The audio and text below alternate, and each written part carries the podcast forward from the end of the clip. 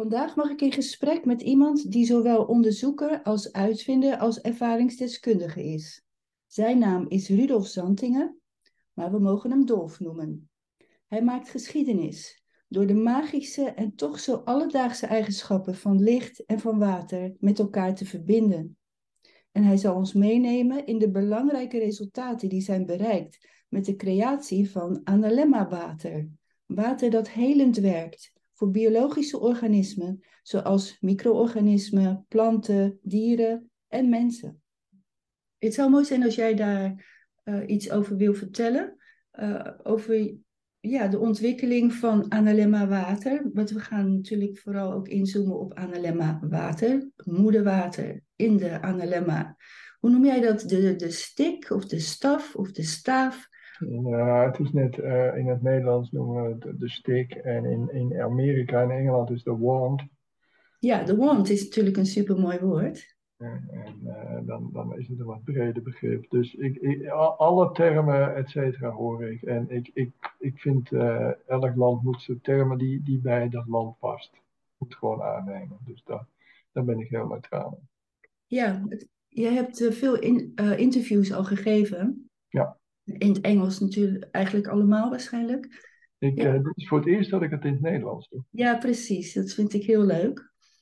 Um, dus daarom denk ik, wij hebben nog steeds te maken met hoe vertaal je het nu het, uh, het mooist, het woord want. Uh, de magische analemma staf, staaf. Maar goed, het gaat om het water wat daarin zit. Wel ook een beetje over het kwartsglas wat daar omheen zit. Maar um, wat is daarvoor nodig geweest? Kun je dat een beetje aangeven? Ja, als ik iets. Nou, dan gaan we even twintig jaar terug in de tijd. Uh, ik was als uh, directeur bij, bij enkele grote bedrijven, was ik volop betrokken bij onder meer glasvezel en met digitale technieken. En dat ging allemaal via kabels en daarna met glasvezel ging het over licht, met allerlei lichtkleuren. Dus ja. we zagen dus dat met licht kun je dus, dus data transporteren. Dus eigenlijk eh, wat, wat met glasvezel gebeurt, is niets anders dan dat je een kleur licht hebt.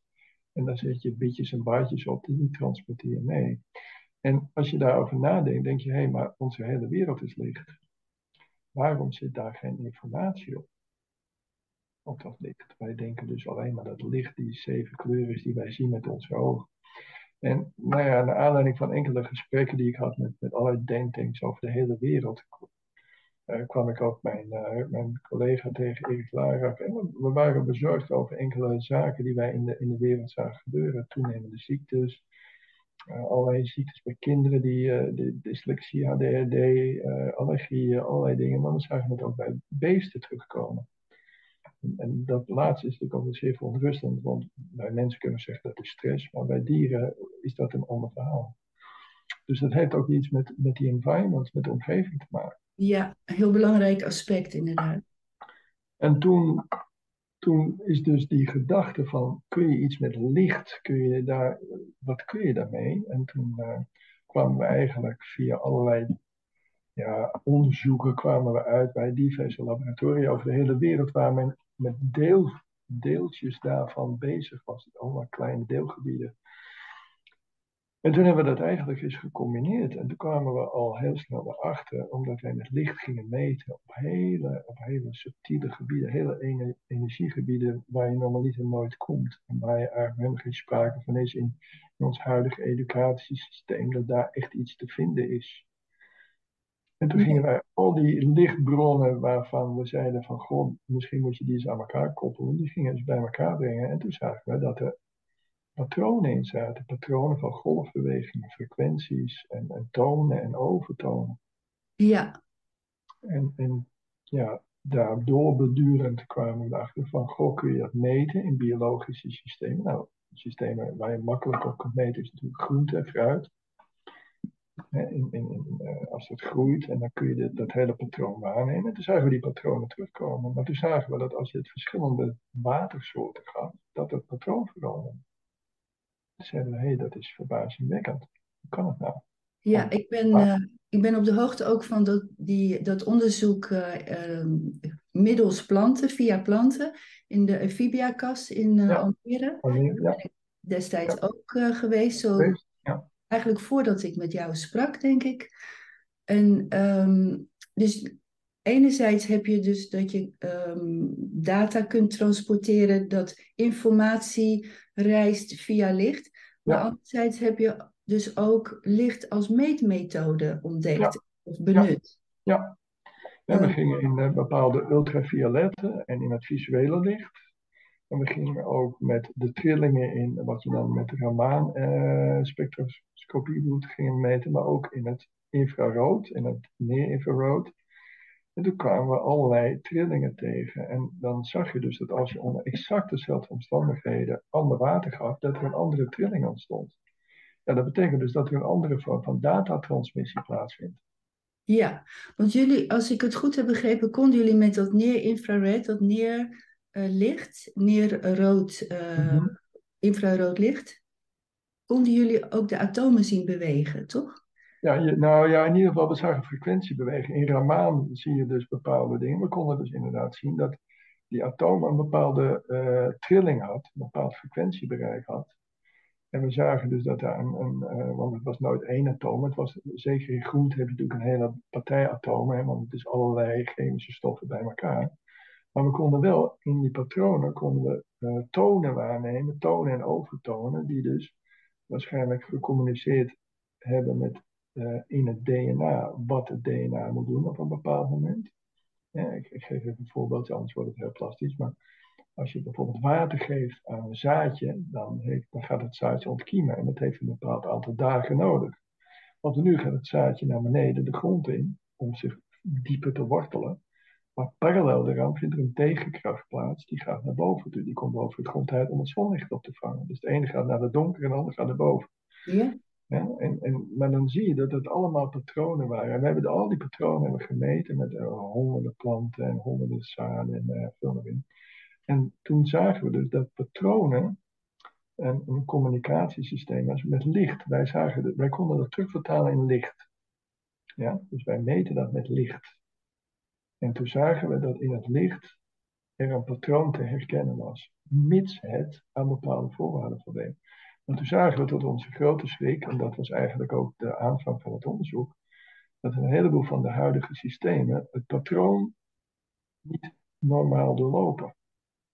Het wordt geblokkeerd. Dus het, het vormt zich wel, maar het, het, het, is, het is eigenlijk niet geoptimaliseerd in zijn communicatiesysteem. En daarna kwamen we, na jaren later, zagen we dus dat die atomen met elkaar een soort dans hebben, een communicatie. Dat, dat is niet zomaar even iets van dat, dat je twee dingen bij elkaar brengt.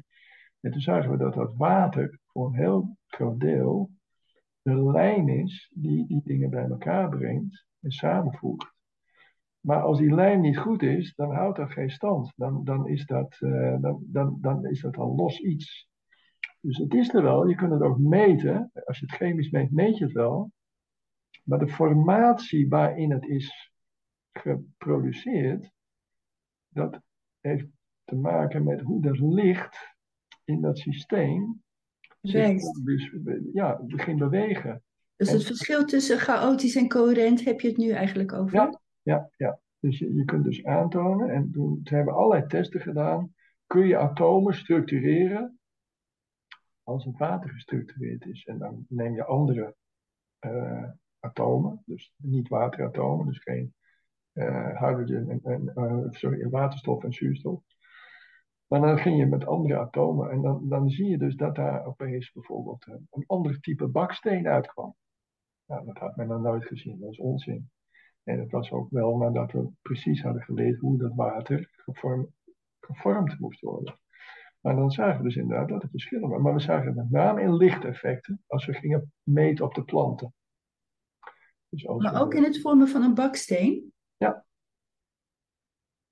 Ja, dat doet me denken ook aan een vraag die ik uh, uh, vandaag wilde stellen. Is wat is volgens jou de relatie tussen uh, structurering van water, of herstructurering van water, en vitalisering of revitalisering? Ja, het, ja, nou ja, vitalisering geeft aan dat je het dus in een bepaalde beweging gaat zetten. Je, gaat dus, je probeert het in een bepaalde energetische vorm te zetten. En dat kun je vitaliseren, revitaliseren. Maar dat wil nog niet zeggen dat dat stand houdt. Ja, dat is het begin van coherentie. Maar... Dat, kan, dat kan het begin zijn van een vorm van coherentie. Ja, een vorm. Want het kan natuurlijk ook in eerste instantie juist chaos creëren om die opgeslagen moleculaire uh, clusters juist weer um, los te maken. Of die moleculen weer vrij te maken. Zo zie je ja, dat ja, ja, dat zou kunnen. Hè? Maar je, waar wij naar gekeken hebben is dat kan water, want water heeft dus eigenlijk een, een, een soort uh, intelligentie in zich. Ja. Het, is, het is in staat om zichzelf moleculair een structuur aan te nemen. Dus die moleculen die zijn niet zomaar rukzichtloos wild bezig. Nee, die zijn aan elkaar gekoppeld met waterbruggen. Ja. En in die waterbruggen onderling kunnen ze structuren maken. En die structuur heeft een bepaalde vorm. En dat noemen wij een coherente vorm. Oh, jij zegt dat het uit het water zelf voortkomt in plaats nee, van? Nee, dat kan van buitenaf komen. Dus dat, dat komt van buitenaf. Maar het water heeft de, de, de capaciteit, laat ik het zo noemen, om zich daarna te schikken. Ja, en dat dan ook als patroon aan te nemen of vast te houden. Ja. ja. Het is, uh, wat je net zegt, van buiten, dat is wel heel belangrijk. Er is een, een, een, een, energie van buiten die de controle heeft over de blauwdruk, hoe dat water zich gaat schikken. De blauwdruk. Ja. Want er is een oorspronkelijke blauwdruk. Nou, er is niet één blauwdruk, er is een dynamische blauwdruk. Want hij moet namelijk continu variabel blijven. Maar er moet wel de mogelijkheid zijn in het water om die blauwdruk aan te nemen. Ja. Daar gaat het om. dat is volgens mij een van de kern... Sorry? Dat is de kernpunt, ja. Ja. Is het water in staat om de blauwdruk waarin het zich begeeft, om die structuur aan te nemen of niet? Dat is dan uh, de blauwdruk van alle natuurlijke ja. uh, voor, uh, ja, alle natuurlijke. Golfbewegingen. Zo, hoe zeg je? Golfbewegingen, frequenties in de omgeving. Ja, die de basis zijn van vormgeving. Ja. Ja. Ja, want water voegt zich natuurlijk. Het is niet zo dat het. Want ik heb jou ook horen zeggen dat er sprake is van broninformatie. Of een, en inderdaad de inherente intelligentie, de aanwezige intelligentie. Dat je het water eigenlijk. En nu zitten we eigenlijk al aan het, aan het eind. Maar ik hou ervan om naar de kern te gaan. Um, dus water zoals het van oorsprong is, weet zelf wat te doen. Dat Ja. wil je niet manipuleren eigenlijk zelfs niet. Ehm, doet mij trouwens ook denken aan stamcellen. Ja. Die zich ook weten om te zetten in wat er daar, wat er nodig is. Ja. Een intelligentie van binnenuit. Ja. Zie jij die parallel eh, Ja. ook? Die Ja, ik vind het een eh, vergelijkbare parallel. Ik zeg niet dat het een stamcel is, maar ik zeg wel dat het dus een intelligentie is, dat het zelf weet wat het moet doen. Is maar goed ook, want als wij, wij mensen onze cellen moeten gaan eh, herschikken en ruimschikken, dan denk ik dat we wat over het hoofd gaan zien. Nee, die intelligentie zit er zelf in. En die weet ook bij beschadiging wat hij moet doen, et cetera, et cetera. Water heeft dezelfde kwaliteit. Water weet hoe het zich moet ordenen. Ja, precies. Dit gaat verder dan water als drager van levensenergie en water als communicator, alhoewel dat al op zich natuurlijk heel bijzonder is. Dat water eh, ook eh, hè, ontvangt en, en zendt en eh, bewaart, als, zelfs als computer kan eh, Ja. Ja. functioneren.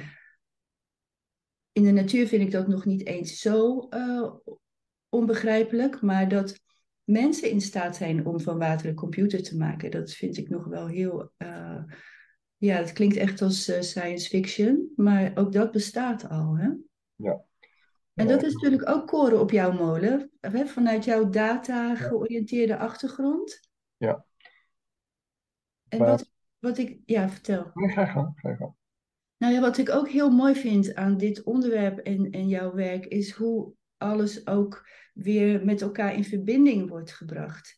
Want wij lijden volgens mij aan een gefragmenteerd uh, bewustzijn, um, omdat alles zeg maar een eigen naam heeft gekregen. Je kunt in al die deelgebieden natuurlijk wel inzoomen. En, maar het is zo belangrijk om dat allemaal weer ook uh, te integreren uh, met elkaar, om een, een totaalbeeld en een totaalbeleving te krijgen.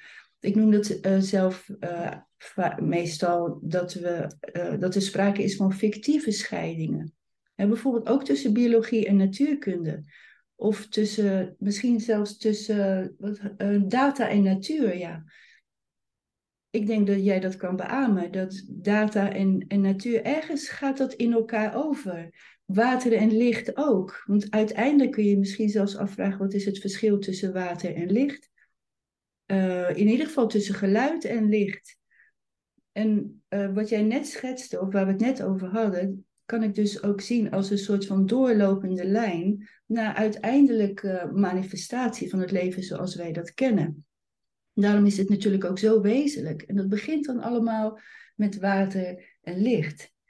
Dat is... Nou, ik zou eigenlijk nog een stap eerder willen beginnen. Ik denk dat als we ons onderwijssysteem eens een keer mochten herordenen, waarvan ik denk dat het eigenlijk heel nodig is, dat we eens moeten begrijpen dat we in een systeem zitten waarbij alles samenwerkt.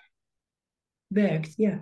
Alles werkt samen. En dat krijgen wij in de vorm van allerlei dingen die we kunnen waarnemen. En onze ogen nemen licht waar, onze oren nemen geluiden waar.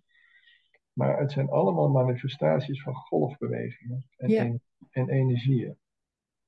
En die energieën die hebben een bepaald ritme. En we kennen allemaal de opkomende zon en de ondergaande zon. En overdag en heel warm.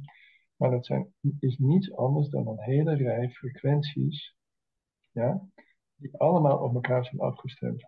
Nieuwe maan, volle maan, halve maan, het zijn allemaal ritmes die ook in de natuur doorwerken, want die geven eb en vloed.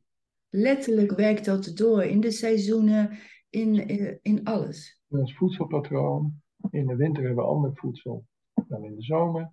Het heeft ook weer daarmee te maken.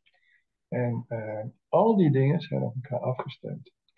En we zijn het eigenlijk helemaal ja, vergeten. Dat wij stoffen tot ons kunnen nemen die die frequenties en die ritmes in zich hebben verwerkt. Ja. Ja uh, in de, in de zo... Het is ook mooi dat je nu dat bruggetje maakt, of ik, ik maak even een bruggetje naar voeding. Ja, dat is heel cruciaal. Ja, mensen realiseren zich zo weinig dat voeding en energie eigenlijk hetzelfde zijn maar dat het dus wel uh, uh, dat er kwalitatieve verschillen in zijn uh, te ontdekken natuurlijk. Het verschil tussen wel en niet vitale voeding.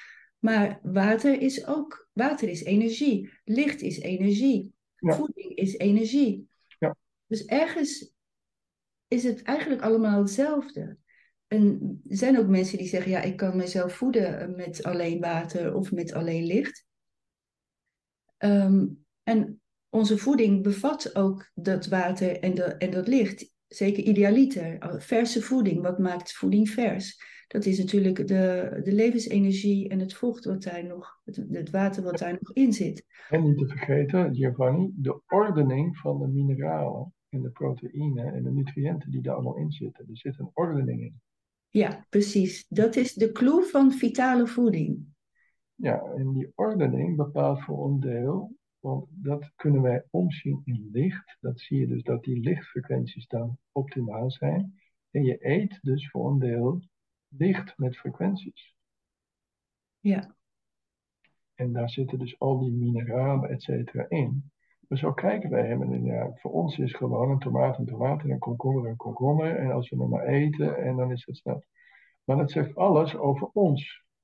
Maar niet de natuur. Ja, dat is inderdaad waar het voor mij is begonnen als, uh, uh, nou ja, als, als jonge vrouw. Niet als, zozeer als, ja, als meisje had ik al veel met voeding. Maar als jonge vrouw uh, ben ik toch wel behoorlijk op dat spoor. Um, um, nou, ik ben via voeding eigenlijk op het spoor gekomen van dit allemaal. En je kunt het wel waarnemen als je echt jezelf, eh, je zintuigen gebruikt, Precies. Verbindt met je voeding Ja. en met je lichaam. Ehm, maar je kunt het waarnemen, je kunt het zelfs ook zien. Als je er enigszins gevoelig voor bent, is het wel zichtbaar en voelbaar. Ja. Maar we hebben ons zelf zo afgesneden dat als je gezegd dat je daar gevoelig voor bent of dat je het waarneemt, dan word je meteen in een bepaalde niet-rationele hoek wordt je betiteld. Ja. Terwijl het juist onze essentie is en onze kracht. Want daar zit ook je intuïtie en je, je creativiteit. Om dat nou even net geeft af- nu de, de samenvatting van mijn boek eigenlijk, werkelijk. Dat is de samenvatting van dit boek en dat is puur intuïtief eh, ontstaan. En eh, wanneer ik dit in handen geef van iemand in watermanagement of waterbeheer, dan wordt het ontvangen als spiritueel en eh, controversieel zelfs. Ja. Ja, dat komt omdat wij zo gewend zijn slechts één heel beperkt deel van onze hersenen te ontwikkelen. En eh, ik ben dus in de, in de loop van alle onderzoeken erachter gekomen. Ik bedoel, ik ben zelf ook zo opgeleid hè, dat je die kant op moet wetenschappelijk. En ik praat over de hele wereld met wetenschappers. Maar ik heb wel even snoeihard ben ik op de feiten gedrukt dat daar niet de antwoorden in zitten. Dat is slechts een deel van het geheel. En dat Waar zitten niet de antwoorden in? in, alleen in het rationele. Dat Nee. in de andere kant, in, die, in dat frequentiebereik en in die energetische kant en in dat ritmische kant, zit een wijsheid die vele malen, vele malen groter is, ben ik achtergekomen. Ja. En het was voor mij ook even een af en toe snoeiharde lessen, dat ik dacht van, je denkt dat je wat weet, maar je kwam erachter, je weet helemaal niets, naar de nul. Eh, je kunt alleen maar dingen waarnemen, maar en er is een soort blokkade opgebouwd van vooral niet naar die ene andere kant gaan. Eh, want ja, dan, dan, dan kom je er niet. Terwijl dat juist nou net het geval is waar je wel de antwoorden in kon krijgen. Ja, dat klinkt wel als een mooie eh, formulering van de omgekeerde wereld, waar we wat mij betreft in balans zijn. Het Ja. is heel wonderlijk om te constateren hoe vaak de waarheid precies, of, of de essentie, de waarheid, eh, in ieder geval dat wat voor het leven werkt, precies aan de andere kant ligt van waar eh, de hele tijd eh, wordt, heen wordt gewezen. Of waar ehm, zo van die kant wil je op en dat is, dit is de standaard. Dit Ja. is hoe wij met de werkelijkheid hebben om te gaan. En dat is de norm. En als je die niet hanteert, dan krijg je een stempel. Eh, net zoals oude eh, religies vroeger ook een stempel. Als je de anderen overdacht, dan konden ze ook even eh, Ja. vertellen wat voor jou goed was. Dus het zijn geloofsovertuigingen eigenlijk, hè, die ons worden aangeleerd. Het is, ja, zo is het ook. En daarom zeg ik, ons hele onderwijssysteem zou anders moeten. We zouden Ja. echt eens een keer wat minder op die iPhone moeten gaan werken. En eh, eens een keer meer met die natuur moeten leren communiceren. Nou raak je het werk wat ik ook al voor die tijd heb geprobeerd eh, aan te zwengelen dan wel eh, te verzetten. Mijn eerste boek zou eigenlijk gaan over hervorming in het onderwijs. Puur vanuit die behoefte om daar aandacht op te vestigen. Van hoe kan het toch dat we in basiseducatie niet meekrijgen wat je nodig hebt als mens Ja. om, om in je eigen schoenen te staan en je te kunnen verhouden tot het leven, zowel psychologisch als qua zelfzorg, als qua samenwerken met de natuur, met de universele principes. En ook dus die universele wetmatigheden, die, die hebben we gewoon te kennen, want dat zijn de enige constanten eigenlijk in al die culturele wisselingen en eh, verwarring. En... Maar dat Die is dus Die niet. hebben dat leven gevormd. Die hebben hier de hele boel gevormd. Ja, precies. Door eeuwen heen. En, die, Ons ook. Hè, en wij die overleven ons tig keren, want dat gaat allemaal met ritmes. Maar wat leren we? We leren meteen een deel van ons te ontwikkelen. eh, dat je je maatschappelijk staande kunt houden. Maar ik zie dus dat een heleboel mensen zich juist maatschappelijk niet staande kunnen houden. Nee, omdat het niet in harmonie is met. Dat het helemaal niet is met wat hun, wat hun, hun zijn eh, eigenlijk aangeeft. En als ik zie hoeveel mensen op het ogenblik ziek zijn en depressie zijn, terwijl ik denk, begin nou eens gewoon met die natuur te begrijpen en ga eens goed eten. Begin nou eens gewoon, heel, hoe simpel wil je het hebben? Ja. ja, maar niets werkt mee. Alles is gericht op snel, gemakkelijk, fastfood, goedkoop. Ja. Uh, daar is alles op ingericht. En dat is een kwalijke zaak in onze samenleving, in onze maatschappij. Ja. En dat is, het, en dat is inderdaad het andere werk wat ik, uh, waar ik uh, mee bezig ben geweest, is Stichting Keten. Daar heb ik twee jaar intensief in geïnvesteerd. vol met illusies nog dat daar wat te veranderen viel. zo van ja, we hebben gewoon voedseleducatie nodig op scholen. Sterker nog, we hebben gewoon goed voedsel te serveren in scholen. Instituten, waar, instellingen waar mensen de hele dag uithangen en afhankelijk zijn van derden in hun basisbehoeften. Waarom is dat niet georganiseerd op een manier die voor ons werkt? Ik ben het met En als we dus nagaan, hè, dan komen we nu langzaam maar zeker achter, maar dat wordt ook weer helemaal gefragmenteerd. We zijn er de laatste tien jaar achter gekomen dat ons hele darmsysteem bestaat bij de gratie van, van honderden bacterietypen. Ja, dat, dat konden we voor die tijd niet meten. Door DNA-metingen kunnen we dat nu wel. En waar zitten al die DNA-typen in? Nou, dat krijg je mee vanuit je geboorte. Ja? ja. En door je voeding. Maar dat bepaalt voor een deel, want die hebben een rechtstreekse communicatie met je hersenen. Dat bepaalt voor een deel je hele gemoedstoestand, je, je alles. Begin daar eens mee. Dus dan zie je hoe belangrijk die voeding is. Als wij kinderen niet goed voeden op school, hoe wil je dan dat ze zich normaal in harmonie ontwikkelen? Ja? Ik heb daar een scriptie over geschreven, precies over dit onderwerp. Ik heb uh, één uh, officiële opleiding gedaan, de psychosociale begeleiding. En um, mijn thema, of mijn scriptieonderwerp was de eenheid van lichaam en geest en de rol van voeding daarin. Ja. Het wordt totaal niet belicht in de uh, psychologische, psychosociale opleidingen. En andersom ook niet uh, in, de, in de meer fysieke, medische opleidingen. Geen vergelijking niet. En de eenheid van lichaam en geest is gewoon helemaal geen, geen onderwerp. Terwijl uh, ik heb kunnen aantonen aan de hand van vele onderzoeken, dat waren toen ook nog de opkomende wetenschappen die meer um, interdisciplinair hè, in, uh, te werk gingen. Dat, dat is ook nog niet zo heel lang dat dat wordt toegestaan. Want dat is ook altijd uh, in het verleden heel sterk gescheiden gehouden van elkaar. Dat was not done. Nee. Dat je, uh, je mag niet, want dat is een andere discipline.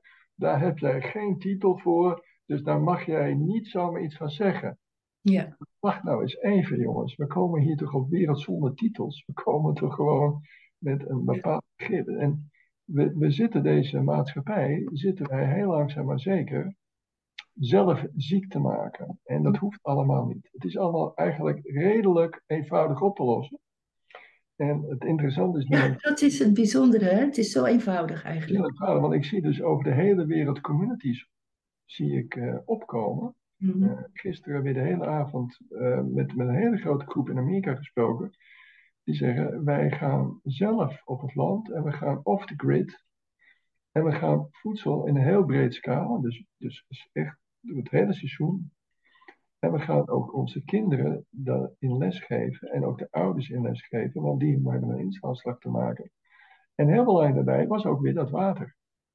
Want het water heb je nodig om al die, als het ware die lijn, om al die dingen weer met elkaar in verbindenis te brengen.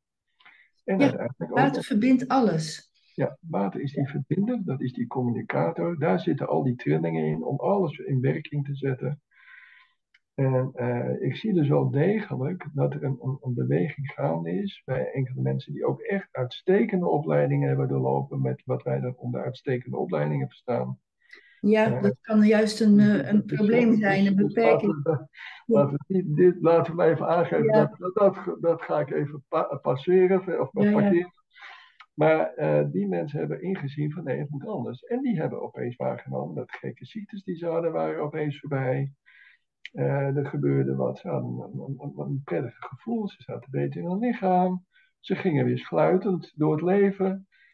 En uh, allemaal eigenlijk dat je denkt van, jongens. Het gaat allemaal om herverbinding. En dat zeg jij ook, hè? dat is ook jouw boodschap. Ja. Terug, naar de, ja, terug naar de natuur. Maar in ieder geval die, die verbroken verbindingen herstellen. Respect hebben voor de natuur is voor mij ook altijd leidend geweest. Wanneer je respect hebt ook voor eh, je- hoe je lichaam geniaal eh, werkt. En je hoeft Ja. alleen een beetje mee te werken, of, oftewel de boel niet te saboteren. En, en de rest gaat vanzelf. Daar ben ik al vrij snel achter gekomen. En daar ben ik heel dankbaar voor dat dat zo is. We hoeven helemaal niet zoveel te doen. We hoeven het alleen maar niet te saboteren. Daar komt het eigenlijk op neer. En dus een beetje respect eh, te krijgen voor datgene wat in je lichaam allemaal plaatsvindt, wat we als normaal ervaren. Ja, En eh, we vinden het allemaal, maar je zou is inderdaad, onze biologieles zou eens een keer heel anders moeten. ja. En water is een mooie leermeester. Water laat je echt precies zien eh, hoe het werkt. Ja. Als je dat volgt, als je je daarin verdiept. Ja. Ook natuurlijk dankzij wetenschappers. En inmiddels ook dankzij artsen die eh, hiermee zijn gaan werken. Waardoor ook ervaringsgegevens steeds meer bij de mensen terechtkomen. Ja. Dat geldt natuurlijk voor jullie, eh, voor jouw werk, eh, voor jullie ook. Ehm, en jullie hebben dus meetmethodes gevonden om, om deze processen zichtbaar te maken. Ehm, ja, ik moet natuurlijk weer aan Masaru Emoto denken, maar jullie hebben je eigen. eh, jullie heb ik het even over jou en je, me- en je compagnon Erik Laarakke, je, je medewerkers, de onderzoekers met wie je allemaal hebt samengewerkt. Want in die zin is het ook een co-creatie, eh, denk ik. Ja, hoor, we, hadden, we hebben dus een paar dingen gedaan en dat was ook best wel in ons labora- laboratorium. We hebben dus jarenlang een groot laboratorium zelf eh, gefinancierd. Ja, Light. Daar ben ik ook geweest. Ja. Dat klopt. En eh, nou ja, dat was natuurlijk een hele dure investering, maar dat was nodig omdat wij steeds in de huidige wetenschap stuk liepen dat we maar in fragmenten dingen dorst te onderzoeken. Want oh jee, dan kwamen we op, ook op andere gebieden. Want ja, stel je eens voor dat de natuurkunde ook met biologie te maken had. Maar misschien ook nog eens een keer met, met, met de grond. Ja, daar moet je weer boer voor zijn. En, en ook misschien met, met, met, met gezondheid. Ja, daar moest je weer arts voor zijn. Ja. Nou, dus dus die, die gekkigheid wilde ook. Dus daar hadden we toevallig wel een heel team aan verschillende disciplines aan tafel. Dus we konden dat makkelijk. Maar ook daar was men verplicht eigenlijk een rondje te maken door alle disciplines heen. Wat is het gevolg van het een en wat is het effect op het ander? Men moest openheid van mind hebben. En het bleek dus dat het bij de wetenschappers eigenlijk alleen maar tot een verrijking eh, heeft geleid. Want ook zij begonnen zich veel meer buiten hun, hun, protocolletje eh, te bewegen. En dat bracht gewoon hele mooie dingen naar voren. Mhm. Ja, kan niet anders. Ik heb hier ook trouwens een, een mooie samen, ehm, samenkomen van twee, twee de analemma eh, in de. Ja, ik zie het in een ja, hij staat heel mooi. Ik vind hem heel Ja, en het is ook vooral praktisch bedacht dat ik dan niet hoef te roeren en dat hij ook beschermd is. Hè? Dus Ja, niet kwetsbaar. Ik vroeg me alleen af eh, mm, ja, of het klopt dat dit een goede manier is, dat, dat- omdat ik hem dus niet persoonlijk nu meer roer door het water. Ja, dat kan hoor. Dit, dit werkt heel goed. Ja, want wat we hier, waar, waar we hier naar kijken is dus ook hoe water communiceert met water. Hè? Ja, dat wat je dus nu waarneemt, hè, en even voor degenen die dat niet zien, je hebt dus in het midden heb je zo'n stick, hè, dus bovenin zit er zo'n stick in. En Ja, die, Die zit hier. zit er dus in en die Ja. maakt contact met het water beneden. En dan kun je zeggen, ja, wat- is nu het effect? Ja, dat is in de natuurkunde, omdat men daar nog geen wet voor had, kon men, kon dat niet. Ja, dus dat is ook weer zo. Water communiceert met water bedoel je? water, en dat het ene water een impact heeft op het andere water, terwijl het in principe gescheiden is door een stuk glas. Ja, nou, dat, dat, dat, dat, daar was dan weer geen wet voor, dus dan kon dat niet. Dan, Mhm, kon men er niet, dan kon men er niets mee. mhm. Totdat je in testen ging aantonen, nou, dat heeft die en die werking. En eh, welke wet men nou wel of niet heeft eh, eraan gekoppeld, het is gewoon een feit, zo werkt het. Dat is een leemte in de wetgeving. Ja, ja, zo zou je het haast kunnen zeggen. Dus dat is daar het probleem. Maar dat, dat betekent niet dat het onderzoek moet stoppen. En dat betekent gewoon dat wij eigenlijk maar heel beperkte kennis hebben van bepaalde wetten. Ja. Want in dit geval weet ik dat kwartsglas is gebruikt omdat dat beter geleidt, Ja, klopt. verbindt Ja. met Ja. eh, de omge- eh, het water met het water. Maar water kan zelfs op afstand communiceren met water. Ja, Dat is nog is- moeilijker te begrijpen. Maar dat is voor een heleboel mensen helemaal een brug te ver. Dus dat doen we alleen in laboratoria. En dan kunnen we het tien keer aantonen. En dan nog is, zit men vaak zo in het hoofd en men zegt, ja, maar dat klopt niet. Nee. Nee, volgens het brein niet, want het brein mist gewoon bepaalde capaciteiten. Eh, ja, die kan alleen op, op een bepaalde manier. Het brein kan- functioneert op een bepaalde manier. Ja, omdat wij ons brein zo geprogrammeerd hebben. Ja, ook. Maar ik denk dat eh, voor werkelijke eh, wijsheid en kennis, dat je, je al je intelligenties hebt te, in te zetten. En die zijn er ook. En die hebben samen te werken. Ja. Net zoals in de natuur. Maar dat is ook al lang aangetoond dat dat zo is. Dat dat zo is. Als je je beperkt tot je brein, ben je werkelijk heel beperkt. Ook qua intelligentie. Ja. Terwijl, nou, dat is weer een mooi voorbeeld van de, hè, er wordt gezegd, de IQ, dat is waar het om draait. Maar het tegendeel is eigenlijk waar. Nee, naarmate je je IQ steeds meer aanscherpt, dan vaak je meer een deel van dat andere deel in je hoofd, die, die andere hersenhelft, eh, vaak eh, beperkt. Nou, wat zagen wij bijvoorbeeld met het water als het in een coherente vorm komt? Dat die hersenhelften vaak beter met elkaar gingen communiceren. Ja, dat is een van de resultaten. Hè? Dat is misschien, dat is, eh, ja, ik heb een paar dingen overgeslagen in eh, een beetje logische opbouw. Hè? Want, ehm, maar, ja, er zijn duidelijk kenmerken aan, aan. Maar inmiddels hebben jullie ook vele onderzoeken gedaan om het hard te maken, waar, waar, wat Ja. jullie hebben ontdekt.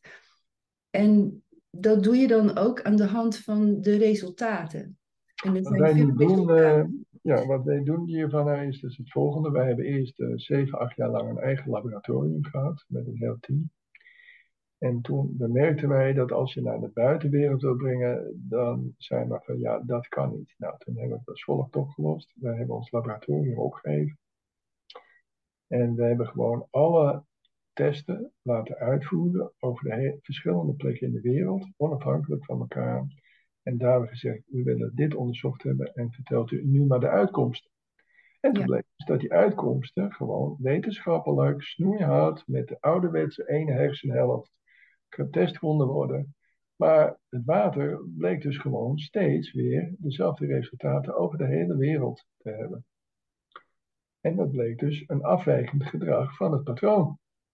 Over de hele wereld, dus in, in, eh, jullie hebben waar allemaal... eh, Amerika, India, verschillende landen in Europa.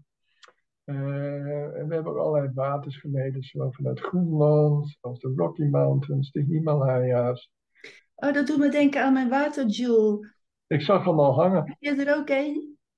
Nou, ik zag hem al hangen. Ik wist, Ja, maar heb je, heb je er al één? Nee, nee, nee. Nee, Nee, nog niet. nee, nee. nee. Ik, eh, ik, weet wat het is. Ik weet ook van wie die is. Dus, eh. Ja, ja, ja.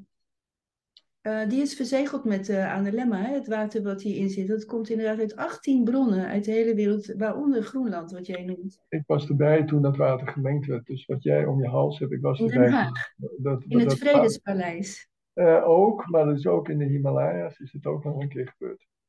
Oké. Oh, dat was dan die met tien, eh, tien waters? Het, eh, in het eh, klooster waar de Dalai Lama regelmatig is. Ja, ja. Ja, dat is, eh, dat is heel bijzonder. Ook het eh, verhaal wat daar dan bij hoort, is dat we, omdat water met water kan communiceren op afstand, dat, dat er dus sprake zou zijn van een veld wat wordt gecreëerd, eh, waarin het gaat om vrede, eh, hartenergie, vrede en, hoe, en dat eh, water daar gewoon ook een aandeel in heeft, een belangrijke rol in speelt. Wel deze, deze hele planeet bestaat bij de gratie van één stof, dat is water. Eigenlijk leven we in een groot aquarium, vind je niet? Nou, dat is ook zo. Sterker nog, jouw lichaam is één groot aquarium, want je bent eh, meer eh, water dan een komkommer. Ja. Ja, moleculair, niet iedereen weet dat eh, al, denk ik. Ja. Eh, jij weet wat, wat ik bedoel. We sta- bestaan moleculair. Watermoleculen, we hebben, ons lichaam bestaat voor 99% uit watermoleculen. Ja, ruim 99 Ja, procent. en komkommer 97%. Ja, dus jij bent, je bent water met een heleboel bacillen. Ja, allemaal, en dat is ook dus iets waarom het zo belangrijk is, waar we het net over hadden, over die, die communicatie. Al die bacillensystemen in je lichaam en ook die virusdeeltjes en die schimmels, die communiceren met elkaar. Die weten precies wie, wat en hoe die balans moet ontstaan. En daardoor kan jouw voedsel verteerd worden. Daardoor ontstaan al die warmte in jouw lichaam. Al die dingen worden gewoon gecontroleerd door een systeem wat wij helemaal niet kennen. We zitten zo in dat hele kleine hoofdje van ons te denken dat we dat weten. Ik heb inmiddels ook bedacht dat we meer uh, micro-organismen zijn dan dat we ze hebben. Ja, ja, we hebben voor kilo's aan bacteriën in en om ons heen. Ja, en al die cellen, we, eh, die, die cellen die leven. Ja. Hoe kan dat eigenlijk? Nou ja, die cellen, mitochondriën die bijvoorbeeld, dat zijn toch net micro-organismen? Een mitochondriën komt daarvoor, want het is, uh, de basis is de allereerste bacterie die op de wereld is ontstaan. Dus de allereerste bacterievorm. We zijn het eigenlijk meer dan dat we ze hebben. Ja, dus we hebben eigenlijk een erfenis van miljarden jaren in dat fysieke lichaam zitten. En dat heeft zich zo geformeerd dat wij nu in dat lichaam kunnen communiceren met elkaar. Ja, en al die cellen communiceren met elkaar. En analemma-water speelt daar een belangrijke rol in. Hoe dat, of dat adequaat gebeurt. En dan zowel uh, regeneratief, dus herstellend en eigenlijk dus ook helend, ja. als preventief. Ja. Uh, in de zin van, en dan komen we weer bij de coherentie, dat wanneer uh, je systeem coherent uh, is georganiseerd, gestructureerd, georganiseerd. Um, en dan moeten we ook nog even niet vergeten te hebben over die uh, constante factor, dat het blijvend is, hè, die coherentie. Daardoor heb je eigenlijk dus bescherming, creëer je bescherming van binnenuit tegen die invloeden van buitenaf, waar we uh, eigenlijk mm, ja, last van hebben, ziek van uh, worden. Dat zijn allemaal heel belangrijke uh, aspecten. En ja, voor mij zitten ze allemaal aan elkaar vast, maar ze verdienen het eigenlijk, al deze onderwerpen verdienen het om apart belicht te worden. Nou, laat ik dan even de eerste aanzet uit te geven. Laat ik eerst even voor de, de mensen die dit willen begrijpen, bij de basis beginnen. Uh, vergelijk water even met een trein met wagens erbij. Ja? Mm -hmm. En die wagens, dat is informatie. Dus water, wat je drinkt, dat zorgt ervoor dat het lichaam, al die cellen kunnen werken. Dat zijn die wagens. Maar wat er nu gebeurt in de buitenwereld, is dat wij niet voldoende wagens meer kunnen koppelen aan die trein. Dus die informatiesystemen in ons lichaam worden geblokkeerd. En wat wij gezien hebben, als wij dat water weer structureren in een coherente vorm die blijvend is, en dat is dus niet een structuur die vast is, maar het is een dynamische structuur die weer met de harmonie continu kan communiceren. Dan wordt er steeds naar aanleiding van wat op dat moment nodig is, wordt het juiste aantal wagens gekoppeld aan die trein. Dus je krijgt steeds datgene aan informatie. De cellen worden daardoor sterker, beter. En daardoor is inderdaad gebleken dat er allerlei laboratoriumtesten, dat onze cellen veel beter functioneren. En daardoor worden we het systeem worden we ook minder snel oud. Ja, dat hebben jullie ook aangetoond. Een van de eerste testresultaten, geloof ik zelfs. Ja, en het is nu ja. nogmaals bevestigd dat je meer energie hebt in je lichaam en je wordt minder snel oud. En, daarmee... die hersenhelften die beter... Nou, dat is ook natuurlijk essentieel. Die samenwerking tussen die hersenhelften. ja. Dat is ik weet bijvoorbeeld ook dat, je, uh, uh, dat stress eigenlijk het gevolg is van verbroken verbinding tussen die twee hersenhelften. Dat is, uh, en de manier om stress op te lossen is die hersenhelften weer met elkaar te verbinden. Zo simpel kan het zijn. Bij sommige stresssoorten wel. Je kunt natuurlijk ook echt een stress meemaken. Dat, dat ja, je hebt allerlei vormen van stress. Maar dat is een garantie voor, voor stress. Want... Stress is dat je inderdaad een concentratie hebt en een bepaald emotieveld waar je bij helemaal niet uitkomt. Hè. Die gedachten die blijven malen. Dan, dan blijf je in dat uh, gespannen systeem zitten. En wat wij hebben gezien is dat water als want jij beïnvloedt ook je eigen watersysteem. Ook jouw eigen gedachten uh, kunnen dat, dat elektromagnetisch water beïnvloeden. En dus, dus ook eten en drinken, dat moet je niet even gauw gauw doen. Nee, dat moet je doen met een stukje bewustzijn. Je, je, moet, je moet daarvan genieten, maar je moet er ook een nodige respect Moet voor genieten. Ja, en je moet, je Ja. moet er ook respect voor hebben. Ja, want je inderdaad, eh Omraam Ivanov eh, eh, zegt dat ook heel mooi in de yoga van de voeding. Dat eh, we weten, behalve dat de helft van de spijsvertering al in je mond plaatsvindt, dus dat, eh, daarmee ontlast je ook de rest van je spijsverteringssysteem. Maar dat je fijnstoffelijke energieën, die worden dan al eh, Ja. wel of niet opgenomen. Dus als je hapslik wegdoet, dan ben je dat, eh, dat deel van de voeding ben je, heb je gemist, ben je kwijt. En En dat daarmee zijn dus voed je dus dingen. fijnstoffelijke lichamen. En, maar ja, wie weet nou dat je die hebt? Daarvoor moet je al in de alternatieve wereld uithangen om te horen dat er fijnstoffelijke lichamen zouden zijn. En ook bijvoorbeeld dat je licht uit kan stralen. Nou, daar weet jij ook alles van, hè? die uitstraling van eh, fotonen. Ook zo'n boeiend onderwerp, dus die relatie tussen frequenties, fotonen en, en, en licht, of biofotonen eigenlijk. Ja, ik vind het allemaal. ehm, wederom zijn het allemaal onderwerpen om, om op in te zoomen, wat mij betreft. Wat zijn biofotonen nou eigenlijk? Er is een heel mooi boek, Cellen van Licht, heb ik ook weer verwerkt in mijn boek natuurlijk. Waarin dat eh, wordt uitgelegd, de relatie tussen water en, en fotonen, biofotonen. Maar ook dat dat onze verbinding is met het universum. We, we genereren die fotonen en we nemen ze tot ons. Maar dat vermogen kan natuurlijk meer of minder eh, goed functioneren. Maar daarmee, eh, dat is dus wel de basis voor je verbinding met het universum. Dus ook weer hoe die informatie uit het universum, waar wij onderdeel van zijn, wel of niet onze cellen bereiken, met alle gevolgen van dien.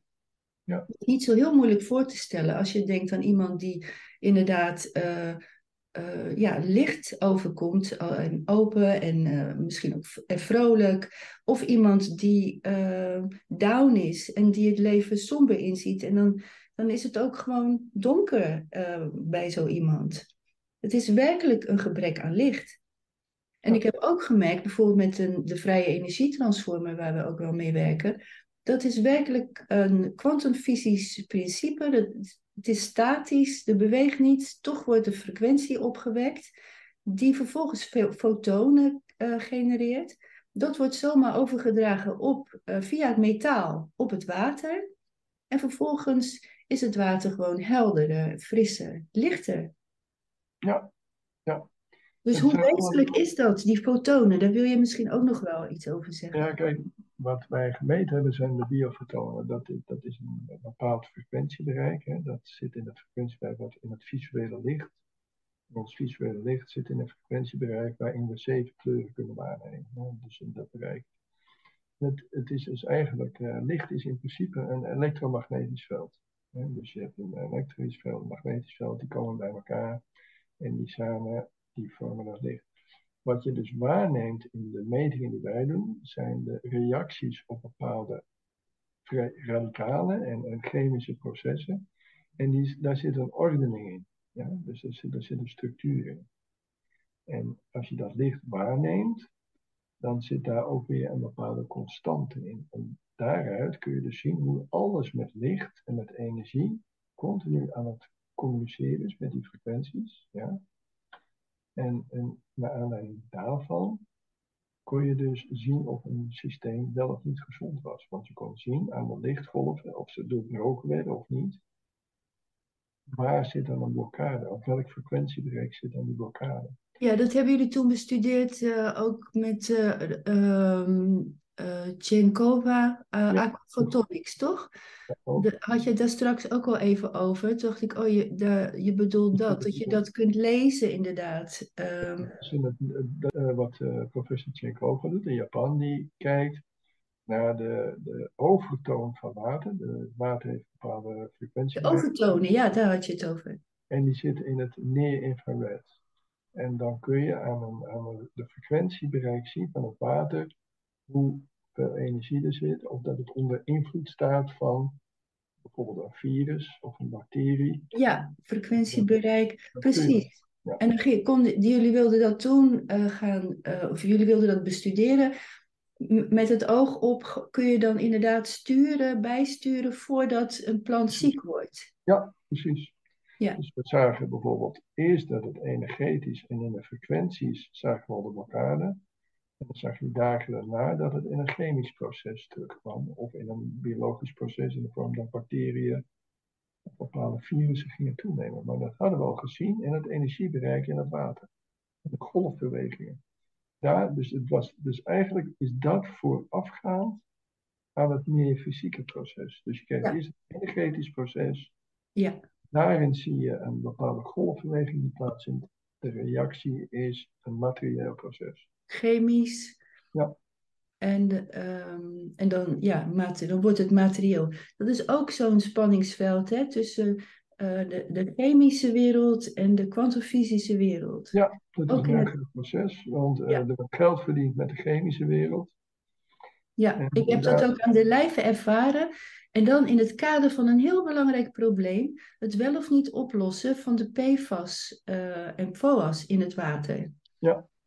Ze krijgen het er niet uit met filters. Nee. En toch is men niet bereid om te investeren in onderzoek wat daaraan voorbij gaat. En dan ben je dus, ja, je kan het, ik noem het dan kwantumfysica, maar jij beschrijft het net als van het is eerst energetisch en dan die golflengtes, dan wordt het chemisch. Zo simpel is het natuurlijk ook andersom. Maar alleen op dat niveau kan dit worden eh, opgelost. Nou, dan heb ik eh, goed nieuws voor je. Ja? Ja, want ik was vorige week bij een heel team wetenschappers. En er staan ook een paar mensen hierop te promoveren. Dat je de PFAS in water eruit kunt halen. Doordat je een bepaalde cycloon in het water brengt onder een bepaalde druk en onder een bepaalde grootte. En het blijkt dus dat het een soort eigen filtering systeem heeft. Waardoor je 90% van de PFAS eruit kunt halen. Ja, dat is grappig dat je het woord filteringssysteem gebruikt, want dat is natuurlijk een materieel woord. Hè? Iedereen denkt eh, automatisch aan filteren wanneer je iets uit het water wil halen. Maar daar moeten we dus wel eigenlijk aan voorbij. Ja. Want het is geen filter, het is een, een zelfreinigend principe. Het is een zelfreinigend principe, het is een energetisch principe. Ja? Ja. En dat is het unieke aan water, dat water dat kan.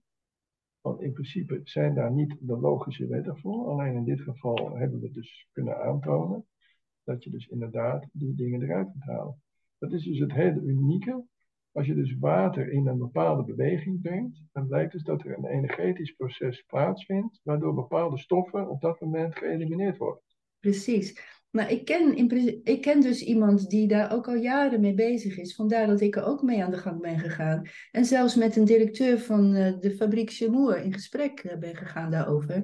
En zo ben ik dus op dat spoor gekomen van die weerstanden die daar heersen. Het wordt gewoon niet eh, toegelaten. Nee.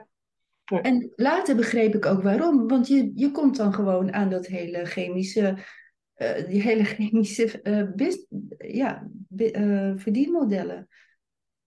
Ja, helaas heeft het daar voor een groot deel mee te maken dat wij hebben onze verdienmodellen zowel juridisch dichtgetimmerd als ook educatief dichtgetimmerd. Ja. Daardoor is het ook zo moeilijk vaak om met nieuwe dingen aan te komen. Dat is heel jammer, want we zouden veel grotere sprongen kunnen maken in de samenleving. Eh, maar ja, eh, het feit ligt daar dat we, dat we zo op het ogenblik opgeleid en getraind worden. Ja. Dus het hogere doel van Analemma Water is eh, hiermee ook wel al in zicht. Maar eigenlijk hebben jullie, eh, of ja, ik zeg maar jullie, eh, ik kan ook zeggen jij, maar dat doet dan niet helemaal eh, Nee, nee, gewoon jullie zeggen, prima. Jullie hebben dit eh, eh, bereikt. Maar er is wel wat voor nodig om Analemma Water ehm, te laten ontstaan, laat ik het zo zeggen. Het duurt een jaar. Het duurt een, een jaar. En dat is eh, niet alleen voor coherentie, maar met name voor die stabiliteit, neem ik aan. Ja, dan moet je je voorstellen, eh, een heleboel mensen eh, hebben bijvoorbeeld een vortex in het water. Dan heb je trouwens twee typen vortexen. Je hebt een linksdraaiende vortex en je hebt een rechtsdraaiende vortex. Mhm.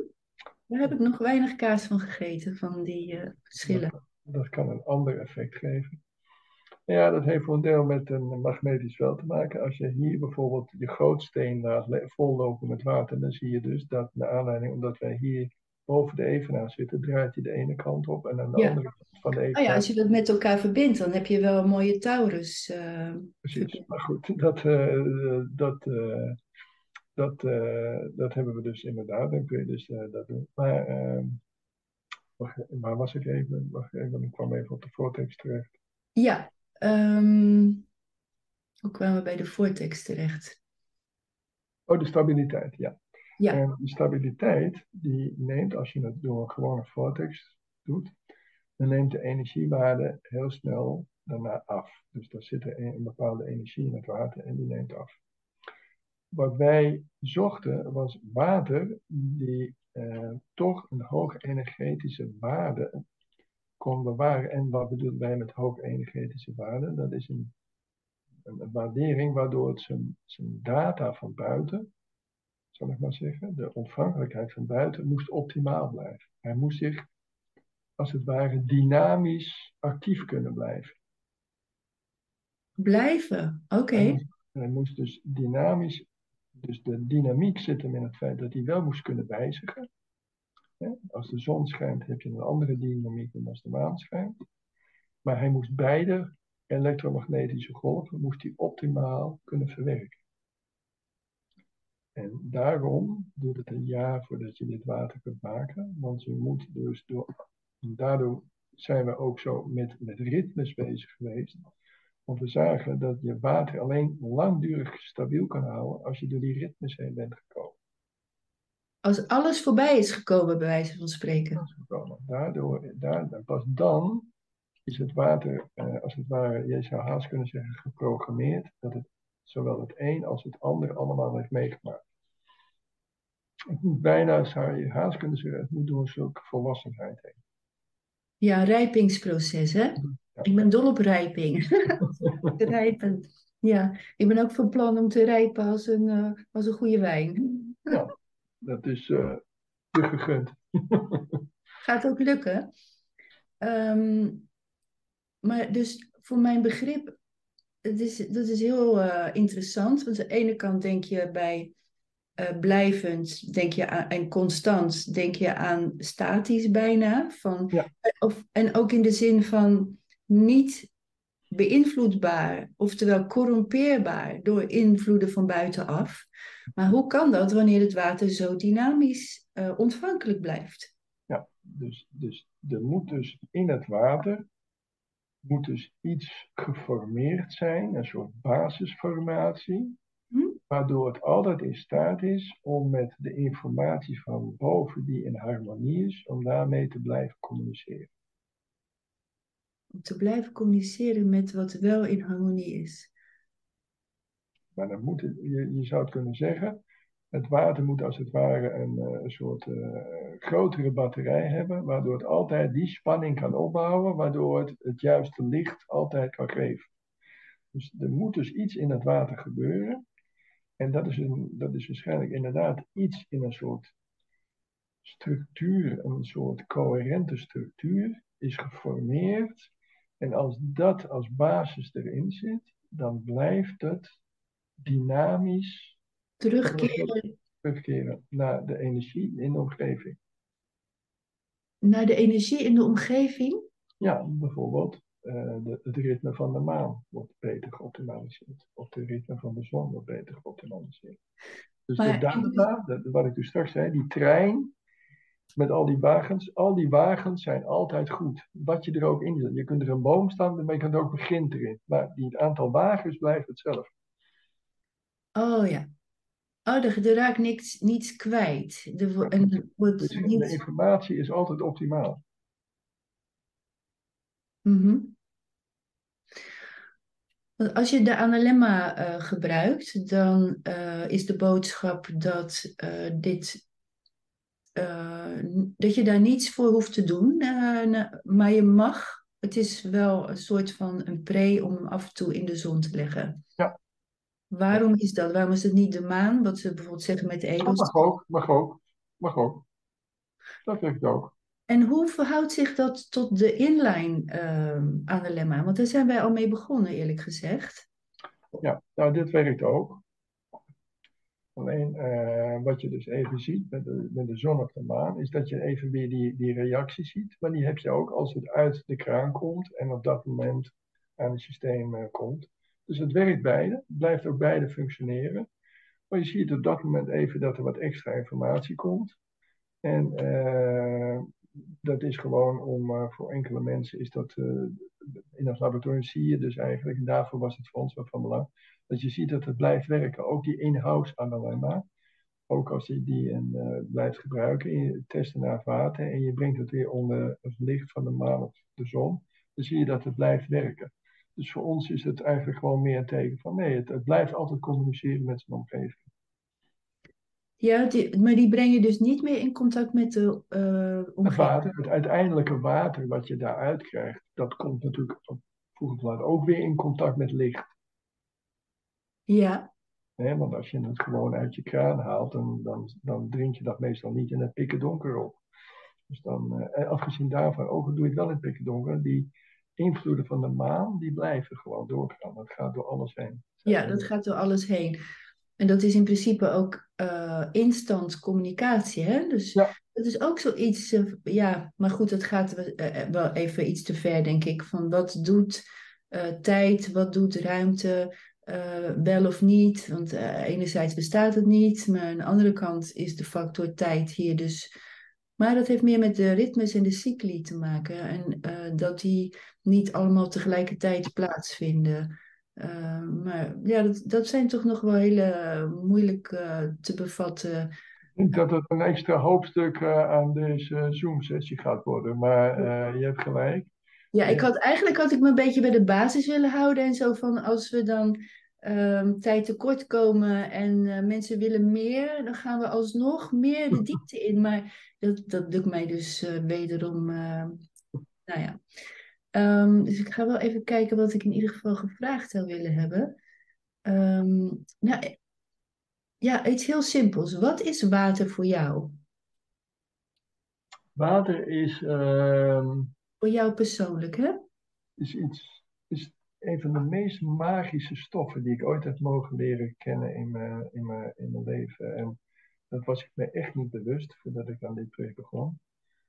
Maar toen ik eigenlijk leerde begrijpen dat twee stoffen die eigenlijk als je ze uit elkaar haalt, want uh, uh, waterstof is een stof die we gebruiken nu voor brandstof. Twee gassen, twee gassen zijn het, hè? Oh, het zijn twee gassen, hè? Zuurstof is ook, uh, dat, dat, kun je ook hele ontploffing. Je brengt ze bij elkaar en dat kan vuur doven. ook dat, ja. En dat heb ik ook nog niet bekeken. Wel van je brengt het bij elkaar en dan heb je ineens nat water dan heb je water en daar blijkt dus dat daar een, een, een, een, een, een formatie in kan plaatsvinden die communiceert met velden waar we nog helemaal niets van begrijpen. Ja?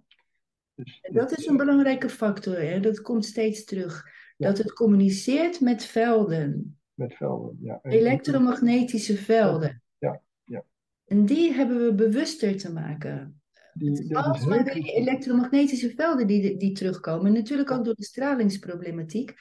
Maar ook omdat uh, steeds meer bekend wordt over celmetabolisme of uh, celcommunicatie, laat ik het zo zeggen. Celcommunicatie, maar alles heeft het aan te maken. Laat wel wezen, sommige uh, mensen laten zich bestralen. En dat is niets anders dan dat je met een specifiek frequentiebereik een cel wil doden. Ja, en, en, en dan kun je zeggen, dat is een agressieve cel die wil doden.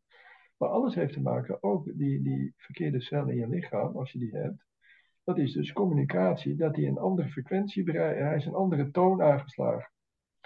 Dus, dus ook het hele helingsproces heeft ook te maken met tonen, met frequenties. We weten daar helemaal, we hebben ons helemaal opgesloten in een chemisch denkende wereld. Ja, precies. En de veranderingen in de, in de oncologie zitten hem ook inderdaad in het meer indalen uh, voorbij het mo moleculaire naar het submoleculaire. Ook daar zie je dat, dat daar de uh, verschillen kunnen worden gemaakt. En met deuteriumarm water? Deuteriumarm water, dat, dat zijn allemaal rol, maar ik zou eigenlijk het belangrijkste met, met, met dat soort ziektes, zou ik zeggen, begin nou eens met de frequentie van voedsel. Ja, maar deuteriumarm water is ook eh, eh, is natuurlijk voedsel. Hè? Water is basisvoeding wat mij betreft. Maar die voeding, dus die, die, die, die hele relatie, hoe dus met name eh, bepaalde voedselsoorten, bepaalde frequenties in je lichaam en in je cel kunnen activeren of deactiveren, net wat Mm. je het neemt, daar weten we gewoon helemaal niets van. We kijken alleen naar die ene cel en we kijken dan naar hoe is een bepaald chemisch proces en dan kijken we naar één of twee stopjes, dan maken we een formule voor. Ja, de complexiteit wordt totaal overgeslagen. Het hele lichaam werkt samen. Ik bedoel, wat er in je hoofd gebeurt, dat, dat, en in je tenen en in je...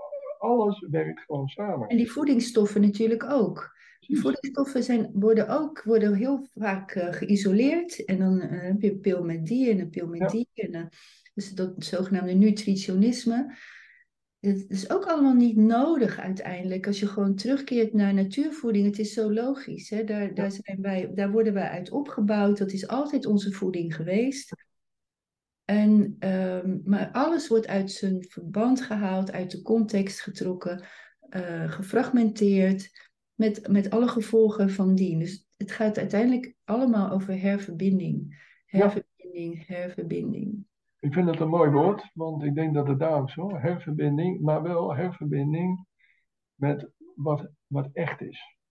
Ja, Wat de oorsprong is. precies. Met de dat- essentie en de oorsprong. Ja, met de essentie. En daar moeten we niet zo gek over doen. Daar moeten we eens ophouden om dat belachelijk te maken. Want dat is eigenlijk het echte belachelijke. We moeten ons eigenlijk gewoon een beetje schamen. We moeten ons schamen dat we eigenlijk zo heel weinig weten van onze echte essentie.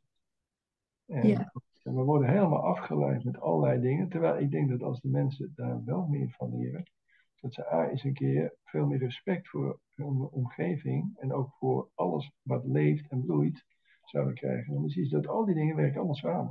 Ja, maar jij weet ook dat mensen niet kiezen voor hun basiseducatie. Hè, dat, Nou, daar, ik ook. Het moet vanuit enkele mensen komen. Elke aanpassing in het onderwijs is uiteindelijk toch gekomen dat er een vraag in de maatschappij is ontstaan van hey, dit, eh, dit is eh, de huidige behoefte om uh, op na te denken. En ik denk wat jij nu benoemt, ik denk dat daar een, grote, hele grote vraag naar is. Eigenlijk wel, natuurlijk. En dat, die is er altijd geweest. Het is niet voor niets dat, alle, dat er om het reguliere heen er altijd allerlei alternatieve uh, ja. onderwijsvormen zijn geweest en alternatieve voedselstromen. Maar dat, blijft, dat wordt dus continu daar gehouden. Dat moet alternatief blijven. Waarom is dat niet geïntegreerd in wat de standaard, wat normaal is? Dat ja. puzzelt mij al mijn hele leven. Uh, op alle mogelijke manieren. Maar zelfs op het gebied van onderwijs, dat begon al toen ik 13 was. Uh, dat ik me daar bewust van werd. En ja, dat is by design. Uh, en zolang de mensen niet gaan staan zo van uh, wij gaan dat zelf, wat jij ook hebt geschetst hè, in communities, parallele samenlevingen. We zullen parallele werkelijkheden moeten laten, ook, hoor. laten groeien. Het gebeurt heel actief op het ogenblik. Het verbaast me echt. Ja, dat ik hoop dat het als paddenstoelen, het zijn een soort van paddenstoelen hè, van een mycelium wat, ja, wat, wat naar boven komt. Zo van ja, en dat is ook de enige manier natuurlijk om uh, de, de structuur van de piramide. Uh, ken je dat filmpje van Martha Beck? Nee. Uh, ik ben er echt, ik heb hem nu al drie keer gezien. Die ga ik je via de mail toesturen. Die wil je echt zien. Want er speelt water een rol in. En zij geeft dus een heel, ja, het antwoord eigenlijk op um, wat er nodig is. En ondertussen is dat ook wel gaande. Uh, het gaat ons alleen niet snel genoeg. Uh, maar dat, dat, ja, ze heeft dat op een hele mooie manier vormgegeven. En dat heeft, um, we hebben er geen revolutie voor nodig, maar wel, um, ja, een, het is wel een evolutie natuurlijk, een evolutionaire beweging. Ja, ik hoop alleen wel dat, uh, dat we daar niet te laat mee beginnen. Mm -hmm. Nee, het is wel al begonnen, wat jij ook zegt. Hè? Het steekt overal de kop op. Maar het moet, en... ook echt, uh, het moet ook echt snel grotere vormen ja. krijgen. En jij werd ook gewezen op het boek van Arthur Furstenberg. Dat heb ik wel ook gelezen. En dat is ook, heb ik ook een beetje gepromoot, zeg maar, via LinkedIn. Dit is het boek wat niemand wil lezen. Dit willen we niet weten. Maar on, daardoor, daarmee is het het belangrijkste boek van deze tijd. Want daar staat gewoon in wat die hele geschiedenis geweest is van alle elektrotechnische ja. uh, ontwikkelingen. Met alle gevolgen van dien. Met, met data, met dagen, met, met tijden. Een, een derde van het boek is alleen maar referenties. Van, ja. Uh, ja. Heb je het inmiddels in handen? we negeren het, hè? Ja, maar dat bedoel ik. Dat willen we niet weten. Dat willen de mensen niet weten. Um, maar ja, het is, wel, het is wel essentieel. En dit soort kennis, waar jij ook mee werkt, kan daar wel uh, ook een rol in spelen. Want uh, ik kwam daar ook achter door het water te bestuderen, dat ik op een gegeven moment dat kwartje hoorde vallen van wacht even. Dus uh, het internet werkt op dezelfde bandbreedte als een magnetron. En in een magnetron, daar wordt alles heel heet. En we hebben te maken met klimaatveranderingen en een opwarming van de aarde. En iedereen blijft maar wijzen naar die, naar die uh, CO2. Uh, en waarom wordt er niet gesproken over elektromagnetische straling? Wat daar gebeurt, want het is echt 1 en 1 is 2. Nou ja, als we daarover gaan beginnen, hebben we een extra zoom nodig. Ja, maar dat is wel waar jij naar verwijst. Dat, dat we dat water nodig hebben, die coherentie van het water. Absoluut. Het is uh, de basis van ons huidige onderzoek. Houden we ons daar volop mee bezig. Dat is het ultieme doel, denk ik, van wat je met Andelemma water wil bereiken. De, de, de, de elektromagnetische vervuiling heeft een vorm aangenomen die, uh, die, die gewoon onacceptabel wordt. Ja. Maar men weet het helemaal niet, want men voelt het niet, men ziet het niet. Althans, dat denkt men. Ja, omdat het sluipend is. Dat is met alle chronische. Maar op een gegeven moment is het ineens van: oh my god, goodness, wat is er, uh, waar zijn we nu beland? Mensen maken dat individueel mee, maar dat gaan we ook als mensheid. Uh, ja. nee, dat gaan we zeker nog eens een keer in depth bespreken met elkaar, want dat is een heel belangrijk onderdeel van de onderzoeken waar ik mij dagelijks mee bezig ga. Ja, nou ik zie dat ook als het doel van Annelemma Water. En ook, uh, we hebben ook eerder gesproken over wel of niet te integreren in filtratiesystemen die wij dus uh, aanbieden. Nou, gelukkig is er nu de in-house of de inline uh, Annelemma. Ja, hoe meer water we ten gunste kunnen beïnvloeden, hoe liever. Um, ja, Ik kan, nog, ik kan rustig nog uren doorpraten hoor. Dat vermoeden heb ik ook. ik ook trouwens. maar misschien raken mensen dan uh, ons ook kwijt. Weet, nou, we, we gaan hier ook nog in knippen en plakken natuurlijk, want uh, er zit weinig uh, structuur in nog. Nou, misschien ook niet. Dat, dat zie ik achteraf. Ik denk dat als je, als je op hoofdlijnen de structuur zou moeten zien, dan zie je dus we hebben water, gaan we aannemen dat het gewoon water is. Dat is niet zo. Water heeft een bepaalde structuur in zijn atoomvorming nodig, wil het informatie kunnen verplaatsen van A naar B. Op het moment dat water dat inderdaad in zijn optimale vorm kan doen, dan heeft het een positief effect op elk biologisch systeem. Precies. Dat is veelvuldig aangetoond, niet alleen door jou of door jullie.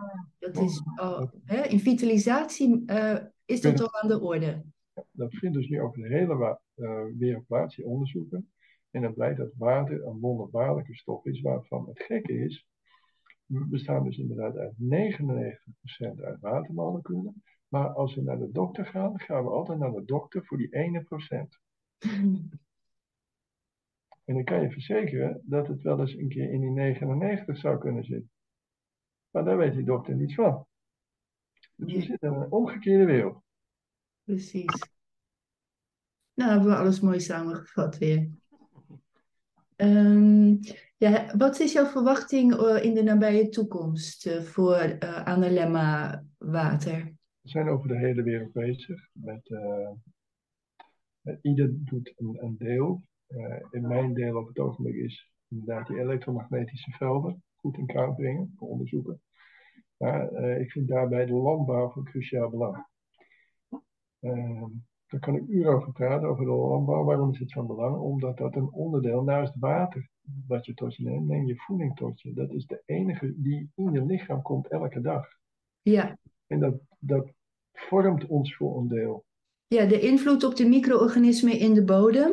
Hè, dat heb je ook beschreven in het, uh, of dat hebben jullie beschreven in het januari-rapport uh, van 2023. Dat heb ik al uh, kunnen uitdelen hier en daar, wanneer mensen erom vragen.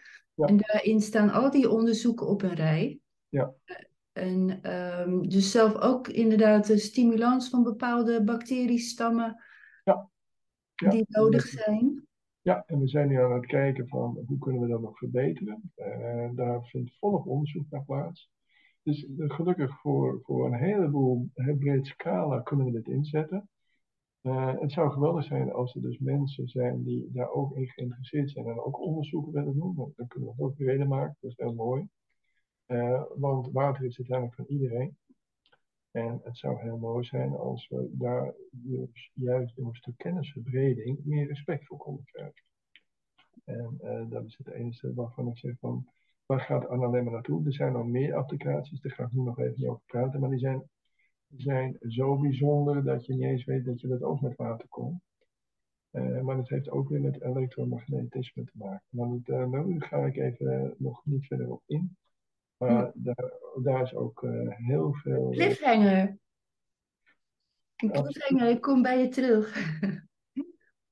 um, ja, nee, dat is uh, inderdaad hoe, uh, hoe de verschillende sectoren in, in het domeinen in het leven en sectoren in, in bedrijvig, bedrijfsleven hier een rol in spelen, dan wel baat bij hebben. Um, en ja, dus ik werk meer met individuen. Ik, ik heb niet zo heel veel kunnen bereiken in het bedrijfsleven. Ik hoop nog wel, uh, toen ik begon met Nieuw Water, dacht ik wel aan uh, de horeca te kunnen helpen aan beter water. Maar ook daar zijn er weinig voorlopers. Die, die wachten ook op de vraag vanuit de consumenten. Dus het een wacht vaak op het ander. Dat is een beetje jammer. Wij gaan niet wachten. We gaan het gewoon doen. En dit soort gesprekken zijn heel belangrijk om de kennis te verbreden. Daar ik uh, ook uh, samen met ons team veel geven, graag geven. Om gewoon het, het begrip, het is allemaal niet zo zweverig, het is eigenlijk heel logisch. Als je er echt rustig naar kijkt en de uitkomsten ziet, dan denk je, waarom weten we dat niet? En, waarom weten we dat niet? Waarom weten we dat niet? Ik vind dat een mooie titel voor een volgend gesprek. En, um, ik uh, kom nog bij je terug met de vraag of we dat live willen doen of gewoon toch op deze manier.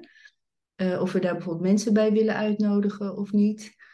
Uh, het is natuurlijk toch wel heel bijzonder dat we dit uh, in Nederlandstalig kunnen doen. Hè? Want er is veel internationaal veel interesse voor, voor Annelemma Water. Ja, bijna, al, bijna alleen in Duitsland zitten wij ook. Dus uh, nee, het is, uh, het is heel interessant. En, uh, we gaan het doen. Ja. Dus we zien uit naar het nieuwe gesprek, Giovanna. Oké, okay, dit was het voor vandaag. Dank voor het luisteren en kijken. Vond je het interessant? Stel gerust je vragen of deel je opmerking via contact op nieuwwaterwinkel.nl. En heel graag tot de volgende Nieuwwater uitzending.